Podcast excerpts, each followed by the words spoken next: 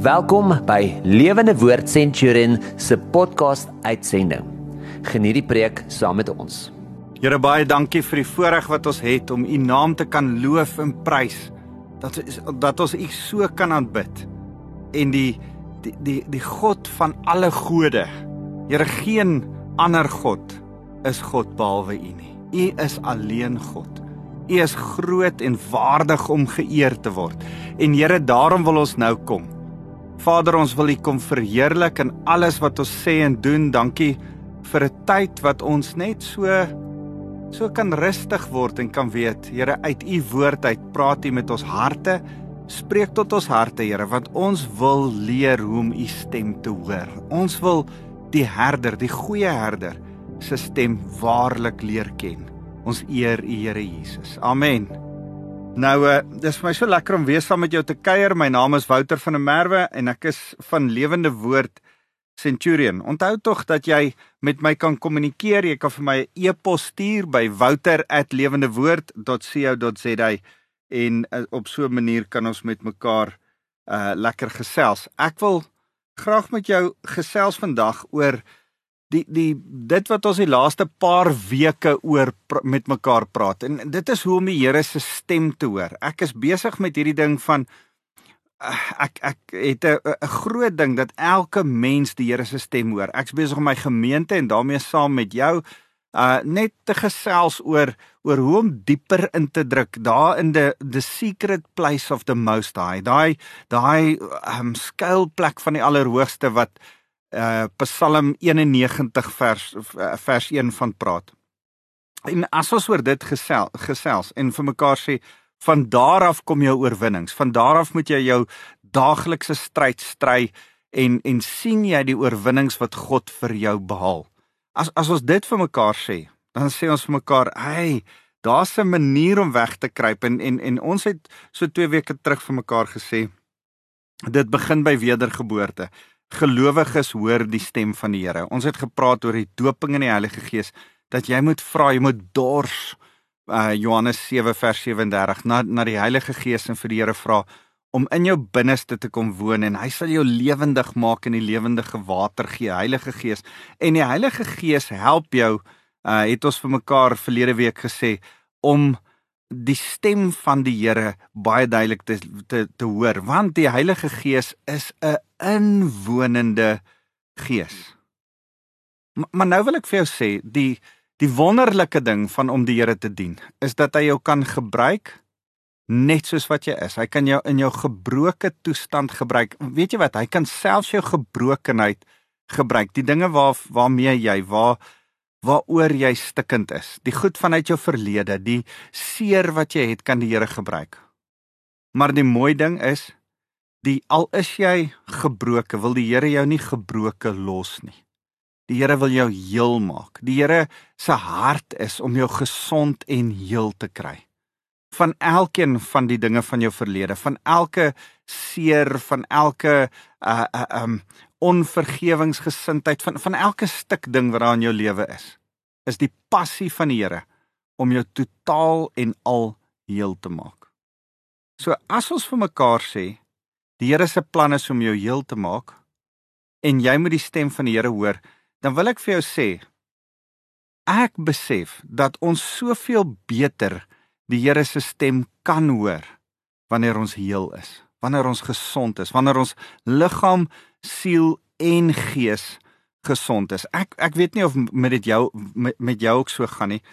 Maar met my gaan dit so man as my pinkie seer is. As ek my vinger raak gesny, dan voel dit of my hele liggaam daardeur.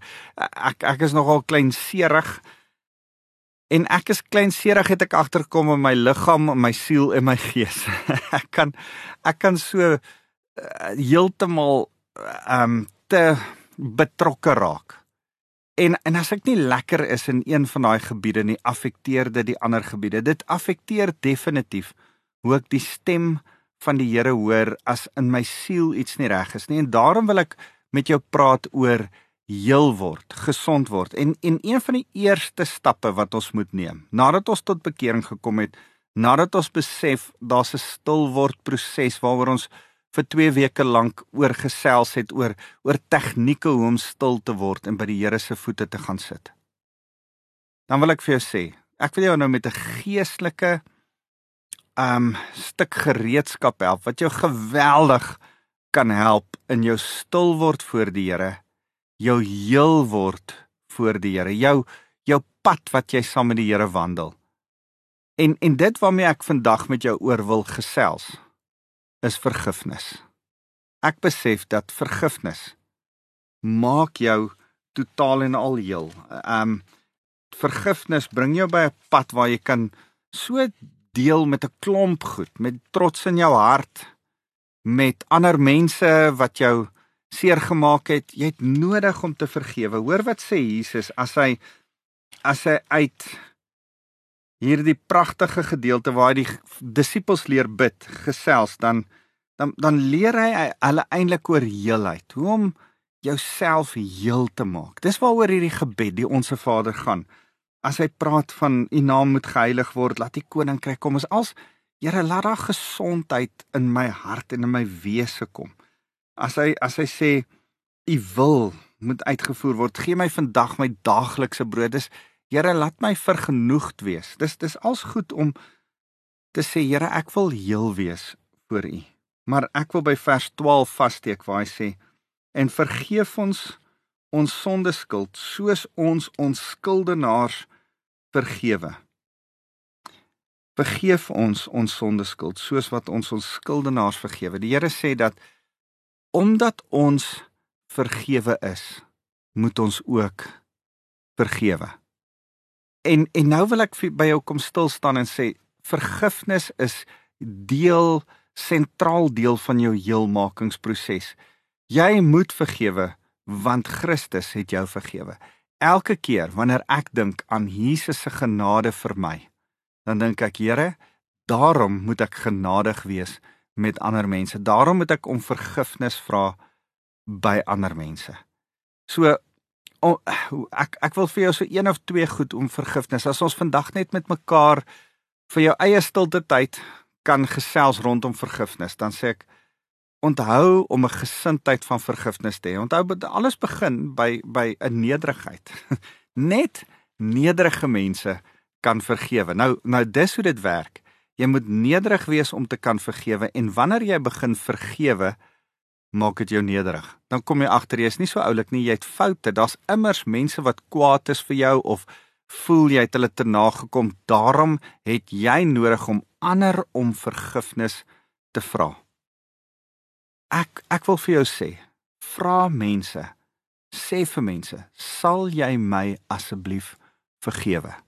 Miskien het jy nodig om hierdie woorde te oefen. Miskien uh is jy so selfgesentreerd dat jy nog nie hierdie woorde al vir enigiemand gesê het nie. Wel, jy kan nie verhoudings hê en in die lewe aangaan en veral in 'n huwelik wees as jy nie hierdie woorde gereeld gereeld uiter nie. Ek ek het besef met 3 kinders grootmaak dat ek gereeld vir hulle ook moet vra, "Sal jy my asseblief vergewe?" So kan ek jou nooi. Miskien moet jy dit oefen. Sê sommer net daar in jou kop. Miskien sal dit help as jy dit dalk hardop sê. Al sê dit net so in die lig. As jy dalk vir jou vrou of jou man wat langs jou sit kan kyk. Sy sal jy my asseblief vergewe. As jy nou nog niks het om te dink waaraan hulle jou moet vergewe nie. Hulle het iets. maar kom ons kom ons praat ver oggend daaroor. Kom ons praat daaroor van sal jy my asseblief vergewe? So oefen hierdie woorde. Sê saam met my. Sal jy my asseblief vergewe? Altyd 'n goeie plek. Plek van skoon kom, 'n plek van stil staan en onthou om te vergewe keer jy nie die misdaad of die oortreding of die te nakom van die ander teenoor jou goed nie. Dis nie te sê jy sê wat hulle gedoen het is oukei okay nie. Al stem jy nie daarmee saam nie en al is jy veront, verontreg en al is jy seer gemaak en is al is die die die, die slegste ding teenoor jou gebeur moet jy nog steeds vergewe. Jy moet 'n vergifnis is 'n keuse wat jy maak ten spyte van die omstandighede en ten spyte van die gevolge wat hierdie ander persoon gaan dra. Nou miskien moet ek net gou een ding een ander ding by sê is dat daar nog steeds gevolge bly vir die persoon wat jy vergewe al vergewe jy hulle. Ek lees in die koerant op 'n stadium in die beeld lees ek 'n berig waar 'n ou 'n 'n vrou verkrag het. En en nou sit hulle voor die hof en die verkrag die die verkragter sit in die aanklagbank en die een wat verkrag is sit in in die getuienisbank en sy staan op en deel van haar getuienis sê sy ehm um, hoorie ek wil net vir jou sê ek het jou totaal en al vergewe. En die regter maak die massiewe regsfout. Massiewe in my oë 'n 'n absolute etiese en 'n 'n 'n wetlike fout deur in haar uitspraak te sê ons spreek hierdie ou vry omdat die een wat hy die te nagekom het hom vrygespreek het en hom totaal en al vergewe het dan is hy vry om te gaan. En ek stem glad nie saam nie want hierdie persoon het nie net teenoor haar gesondig nie, hy het teenoor God gesondig en hy teenoor die gemeenskap op om, om hom gesondig en is immers 'n risiko vir die gemeenskap. So al het sy hom vergewe, is daar gevolge vir sy dade en moes die regter gesê het, nou moet jy tronkstraf uitdien, ons moet jou in 'n rehabilitasieproses kry, jy moet uit die gemeenskap uitgehaal word want jy is 'n verkragter. Al het jou uh jou jou jou persoon ehm um, die die victim, die slagoffer wat jy gehad het, jou vergewe, moet jy nog steeds jou straf deurgaan. So ek ek ek wil dit pertinent sê. Ek glo met my hele hart. Al, al is daar vergifnis, is daar nog steeds gevolge vir jou dade. Ehm um, daar as as jy vrygespreek is deur die persoon, is dit tussen jou en hom. Die ander gevolge wat jy ontlok het, moet jy nog steeds dra. Geweldig belangrik. Maar die feit van die saak is, as ek sê ek vergewe jou, gaan dit oor my hart wat moet skoon kom. As jy sê, my man, ek vergewe jou, dan gaan dit oor jou hart wat skoon en reg kom. En en daarom is dit so belangrik dat ons besef Spreuke 4 vers 23 sê bewaak jou hart meer as enigiets wat bewaak kan word want dit is die fontein van lewe. Dis waar jou lewe vandaan kom en jy uh, gaan geweldig baie lewe en en genot en vreugde en vrede mis as jy nie konstant vergewe nie. Ek ek sê altyd oor vergifnis en ek sê dit baie keer in my personeel vir my personeel by die kerk dan sê ek ouens keep short accounts vergewe gereeld vergewe mekaar gereeld, maak jou hart skoon, maar hou jou hart suiwer teenoor ander mense.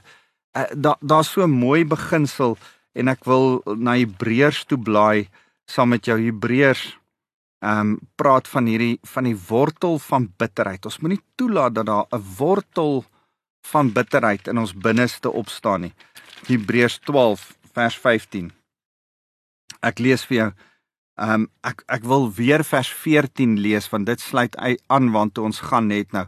Hy sê doen julle bes om in vrede met almal te lewe. Ou Afrikaanse vertaling: jaag die vrede na met almal in die lewe en beywer julle om 'n toegewyde lewe te voer want daarsonder sal julle nie eendag in die Here se teenwoordigheid kan kom nie. Wees baie versigtig dat niemand van julle uitsak en God se genade verspeel nie. Moenie dat daar onder julle 'n lood, 'n wortel van bitterheid opskiet wat moeilikheid veroorsaak en baie aansteek nie. So as as as die as die Bybel praat van van onvergewing onvergewingsgesindheid 'n 'n 'n 'n houding dat ek sal nie hierdie persoon vergewe nie dan wil ek vir jou sê dan sit 'n bitterheid wat 'n wortel skiet wat later slegte vrugte dra. Ons besef Galasiërs 5 vers 22 uh dat as die gees van God in ons kom woon, met ons praat, met ons werk, dan is daar wonderlike geesvrugte wat uit ons lewe uitvloei en ons behoort volgens die vrug van die Heilige Gees te leef. Nie die vrug van bitterheid nie. Jy kan kies watter vrugte dra jy? Die vrug van die Heilige Gees of die vrug van bitterheid. As jy na Galasiërs 2 vers 5 vers 22 toe blaai en jy sien wat die vrug van die Heilige Gees is. Dis nie vrugte van die Heilige Gees nie by the way. Dis vrug van die Heilige Gees. Dan sê hy liefde en ek dink liefde, na liefde kom daar dubbelpunt. Liefde, vrede, vrede, lankmoedigheid. Al daai uh vrugte, 'n vrug van die Heilige Gees. Al daai beskrywings beskryf eintlik die woord liefde. Die een vrug wat jy dra is liefde, totale liefde.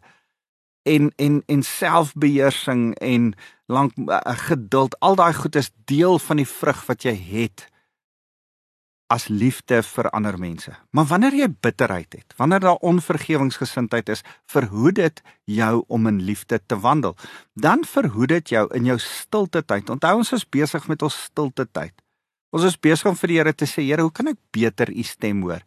Onthou dat die Here deur ons Ja, 1 Korintiërs 12 vers 7. Hy wil deur ons werk en die genadegawes van die Heilige Gees deur ons laat werk vir ander mense om ander mense op te bou.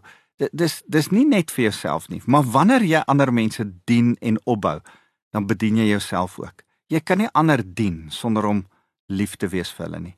Jy kan nie vir ander 'n woord vra. Here, praat met my oor oor hierdie vriend van my. Here, ek wil vir my baas se woord hê. Here, ek wil vir daai vriendin van my wat wat vir jaar 'n skrif hê. Praat asseblief met my en gee vir my 'n skrif van bemoediging vir. Maar hier is ek nog bitter en seer en kwaad vir iemand anderste. Daai bitterheid vertroebel die poel van lewe, die die die fontein van lewe in jou hart. En en ek wil jou aanmoedig. Moenie met troebel waters na die Here kom nie. Kom met 'n suiwer hart, skoon voor die Here. Wandel dit dis die tweede ding wat ek vandag vir jou wil sê. Wandel altyd in 'n gesindheid van vergifnis. In jou kop moet jy sê i keep short accounts. Here hoe jaag ek hierdie vrede na waarvan Hebreërs 12 vers 14 van praat?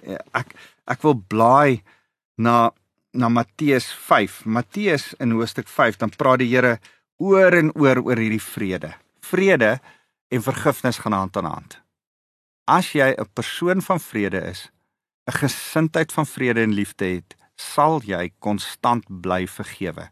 Sal jy die nederigheid betoon om altyd vir iemand te sê vergewe my asseblief. En hy sê ehm um, hy sê dit so mooi uh, uh, hier in vers 9 salig is die vredemakers want hulle sal kinders van God genoem word. Ons is vredemakers ouens. En en dan sê in vers 23: As jy dus jou offer na die altaar toe bring en dit val jou daarby dat jou medemens, jou naaste, iemand wat jy mee te doen het by die werk, familie, vriende, jou jou buurman, jou jou jou next door neighbor 'n grief teen jou koester, los jou offer net daar voor die altaar en gaan maak eers vrede met die persoon. Kom dan terug en bring jou offer. Wat 'n offer bring ek en jy? Dankie tog ons hoef nie meer 'n skaap lammetjie te bring nie. Dankie tog ons hoef nie meer 'n fisiese offer te bring nie. Wat offer ek en jy? Ons offer ons lof aan Jesus. Dis wat ons offer. Ons lofprysing is is 'n offer aan die Here. Hoe kan jy met volle lof na die Here toe kom? Hoe kan jy die Here aanbid as daar bitterheid in jou hart wees? Maak jou hart suiwer. Die volgende ding wat jy moet offer is jouself. Romeine 12 vers 2 as 'n lewendige en heilige offer voor God welgevallig. Hy sê as jy hierdie offer wil bring, Romeine 12 vers 2, dan moet jy eers jou jou gedagtes vernuwe. Ons het verlede week so 'n bietjie daaroor gepraat. Jou gedagtes vernuwe sodat jy kan besef wat die Here se wil is, wat sy 'n goeie wil is, sê sê Paulus, wat sy aanvaarbare wil is en wat sy perfekte wil is. So voordat jy kan hoor wat die Here se wil is, bring 'n offer. Jou offer is jouself. Jou offer is jou hardkoppigheid. Jou offer is jou jou seer wat jy in die verlede gekry het. Jou offer is Here, hier is ek. Ek kom offer myself en al my issues voor U. Ek kom staan soos 'n heilige en welgevallige offer voor U. Dawid sê dit so en en, en ons het verlede week ook hierdie skrif bespreek, maar ek ek dink die Here is besig met ons saam oor iets. Dawid sê in in Psalm 51 vers 17 dan sê hy wat die Here wil hê as 'n offer is 'n gebroke hart en 'n verslaag gees. Kan ek en jy voor die Here in nederigheid kom sê, Here, ons is nie so oulik nie. Ons is nie so goed nie. Here, daar's mense wat kwaad is vir ons. Miskien is daar mense vir wie ons ook kwaad is. Miskien het ons nodig om vir mense te vra vergewe my as jy vir my kwaad is. Maar miskien moet ons ook sê Here sonder dat ek met daai persoon dit gaan bespreek, kies ek om hulle te vergewe wanneer en as ek vir hulle kwaad is. Want die Here wil graag hê dat jy 'n verslaag gees, 'n gebrokenheid. Hy sê daar nie in die oorspronklike Hebreëus praat hy van 'n crushed spirit. Iemand wat nie dink hy so oulik en so groot en so heilig nie. Iemand wat nederig voor die Here staan. Kan ek en jy vrede najag deur konstant mense te bly vergewe? En miskien staan jy nou daarin, wys die Heilige Gees jou nou van mense wat kwaad is vir jou. Wel, dan is dit dalk goed om hulle te bel of hulle te gaan sien en te sê, "Sal jy my asseblief vergewe?" Onthou, dis vir jou onthaalwe dat jy vir hulle om vergifnis vra. Dis ook vir hulle onthaalwe, daar moet 'n 'n 'n heelheid ook by hulle kom, 'n genesing by hulle plaasvind, maar vir jou onthaalwe, vra hulle vir genesing. Die ergste wat kan gebeur, die ergste wat kan gebeur is, hulle kan bot sê, "Nee, ek vergewe jou nie." En dan moet jy in jou hart sê, Here, ek het om vergifnis gevra. My opregtheid en nederigheid van hart hou ek aan om om vergifnis na te jaag en en en vrede na te jaag. Ek gaan nie vir hulle kwaad wees as hulle sê nee, hulle gaan my nie vergewe nie. Ek gaan hulle dan nog verder vergewe as hulle my nie wil vergewe nie. Maar miskien en heel moontlik en meeste van die tyd gebeur dit dat hierdie persoon sê, "Goed, ek sal jou vergewe. Ek sal jou vergewe en ek sal jou vryspreek." Of kom ons praat daaroor en kom ons re rekonsilieer. Onthou, daai versoeningsroeping wat elkeen van ons het, is ons absolute goddelike roeping wat die Here ons gegee het. 2 Korintiërs 5 vers 18 sê dat die Here ons geroep het tot 'n bediening van versoening. Ons is in die beeld van Christus gemaak. Hy is die versoenaar wat ons met God versoen en ek en jy moet met ander met God versoen, maar ons moet met mekaar ook kan versoen konstant. So Ehm um, al vra mense jou nie om uh, dat jy hulle sal vergewe nie. Dat de, al al al, al dink hulle jy moet hulle nie vergewe nie. Gaan jy nog steeds en gaan vergewe hulle. Onkondisionele beteken liefde beteken ook onkondisionele vergifnis. Onkondisionele liefde beteken hierdie ding van my offer voor die Here Here, ek los my gebroke gees. Ek los myself eers voor U daar. Dan gaan maak ek reg met die persoon en dan kan ek weer terug na U toe kom voordat ek my aanbidding en my lof met 'n rein hart met 'n mooi hart voor U kan bring. Al het jy 'n rede tot gebrokenheid. Al al al voel dit man, maar hierdie ou hou my aan seermaak. Hy hou aan om my seer te maak.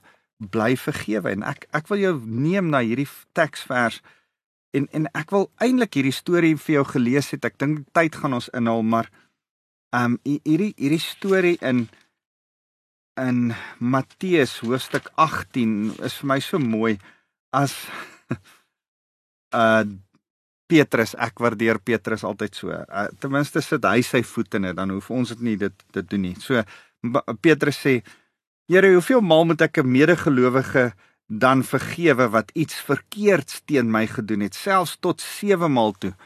Uh vers 21 van hoofstuk 18. En en en wat hy eintlik sê is die fariseërs leer ons jy moet net 3 maal vergewe, dan's dit verby. As hy jou 3 maal op dieselfde manier te nagekom het, daarna hoef jy hom nie weer te vergewe nie. Daarna kan jy hard wees teenoor hom, daarna uh, kan jy jou hart verhard teenoor hom.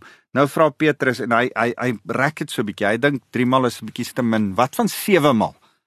En die Here sê nee, verseker. Nie tot 7 maal toe nie, maar tot 70 maal 7 keer toe. En dan vertel hy hierdie storie vers 23 van 'n koning wat 'n skuldeiser uh kom nader trek en vir hom sê jy moet jou skuld teen my kom kom kom delg. Jy moet uh, dit terugbetaal. En dan het hierdie ou nie genoeg geld nie. Nou as jy dit in vandag se geld terugwerk, is dit iets soos 3 biljoen rand. Uh dit dis dis dis net 'n 'n onbetaalbare bedrag. En dan as hierdie ou om om absolute genade pleit en dan sê hy sal dit terugbetaal wat onmoontlik is sê die koning. Wel ek ek ek skeld jou vry van hierdie skuld. Ek maak jou skuld skoon. Dan as hierdie ou uitstap dan kry 'n ou wat hom 100 rand skuld. Gryp hom aan die keel en sê vir hom jy sal dit nou betaal. En as die mense vir die koning dan hierdie storie oor vertel dan sê die koning bring daai ou weer terug. Dan sê hy hoorie ek het jou dan totaal en al vergewe van 'n onbetaalbare bedrag geld. Totaal en al jou jou vrygeskel daarvan en nou wil jy 'n ou beetpak oor oor 100 rand. Kom aan. En dan word die ou in die poel vuur gewerp en en eintlik sê die Here as jy nie kan vergewe nie want want dis wat Hebreërs 12 ook sê as jy nie kan vergewe nie gaan jy nie in die hemel wees nie, want dan verstaan jy nie die vergifnis wat Jesus Christus vir jou gehad het nie, dat die Here jou vergewe het nie. En en eintlik bedoel Jesus nie hier dat vergifnis 'n aparte ekstra deeltjie van ons verlossing is nie. Nee nee, Jesus alleen, 'n verhouding met hom is die enigste ding wat ons by verlossing uitbring. Maar as ons dan verlos is in Christus, as ons besef wie Jesus is en wat hy vir ons gedoen het, totaal en al vergewe het vir al my sondes wat ek al gedoen het, nou doen en nog gaan doen. Dan kan ek nie anderste as om in 'n 'n 'n vergifnisgesindheid te leef en konstant ander mense te bly vergewe nie. Dis hoekom die Here sê, draai die ander wang. Loop die ekstra myl. Ja, maar hulle nee 70 maal 7 keer daai persoon wat jou te na gekom en weer 'n keer en weer ongeskik was met jou en weer 'n keer by die werk jou beskuldig het van goed. Dis wat Christene doen, is om aan te hou vergewe. Aan te hou en aan te hou en aan te hou. En nou wil ek vir jou die derde ding sê as ek oor vergifnis praat. Die eerste is jy moet vergewe want jy is vergewe. Die tweede ding, wandel in 'n gesindheid, in 'n lewe van vergifnis. Die derde ding is Wanneer jy om vergifnis vra, wees spesifiek. Nou nou kom ek begin by jou stilte tyd. Wanneer jy by die Here sit, wees spesifiek want die Heilige Gees praat met jou oor spesifieke sonde en die Heilige Gees maak jou bewus gelukkig nie aankla nie. Die Heilige Gees is nie die aanklaer nie, dis Satan. Wanneer jy skuldig en sleg en terrible voel, dis Satan. Wanneer jy sê, wanneer jy bid en in in jou stilte tyd is en besef, "Sjoe, hier's 'n paar goed wat wat nie lekker is in my lewe nie. Dan is dit die Heilige Gees wat jou bewus maak van en het jy nodig om 'n absolute nederigheid te sê, Here, hierdie ding en hierdie ding en hierdie ding. Vergewe my asseblief vir die manier hoe ek gepraat het, vir dit wat ek gedoen het. Die spoetoortredings, die die die die feit dat ek te vinnig ry. Ek ek is so bewus van my eie frustrasie met myself oor hierdie stupid klein sondetjies wat die Heilige Gees my bewus maak van en ek moet besef, Here, vergewe my asseblief. Weet jy toe ons toe ons kinders was het ons geleer om te bid. Here, vergewe my asseblief van my menigvuldige sondes. So ja, so 'n 'n vol lys. Ek ek kan nie nou in enigiets dink nie, maar hier sommer so 'n blank check. Ehm um, enigiets wat ek ietsie wat ek ook al verkeerd gedoen het. Dis nie hoe jy om verskoning vra nie. dis nie dis nie om vergifnis vra nie. Dis ook nie hoe die Heilige Gees met jou werk nie. Die Heilige Gees werk nie so ah so algemeen nie. Jy, jy sal jou vrou regtig weet jy's lief vir haar as jy sê ja, ek is so min of meer lief vir jou. Ja, jy weet mos so daar rond. Dis nie hoe dit werk nie. Dan moet 'n Here ek is jammer oor hierdie en hierdie ding. As jy vir mense om vergifnis vra, wees ook spesifiek. Moenie sê ag vergewe my vir alles wat ek aan jou verkeerd gedoen het nie. Nee, vergewe my vir daai spesifieke insident oor hoe ek jou laat voel het en daai en dan kan die persoon dalk nog 2 of 3 uithaal en dan het jy nodig om hulle daaroor ook te vergewe. So 2 Kronieke 7 vers 14 sê as my as my volk hulle self nederig maak voor die Here en hulle knie buig sal ek hulle land genees.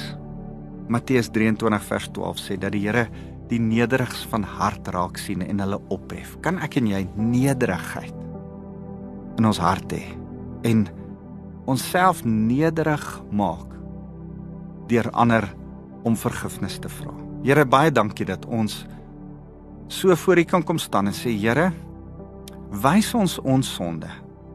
Maak ons bewus van sodat ons U spesifiek kan om vergifnis vra. Here, mag ons mense spesifiek om vergifnis vra uit 'n nederige hart uit.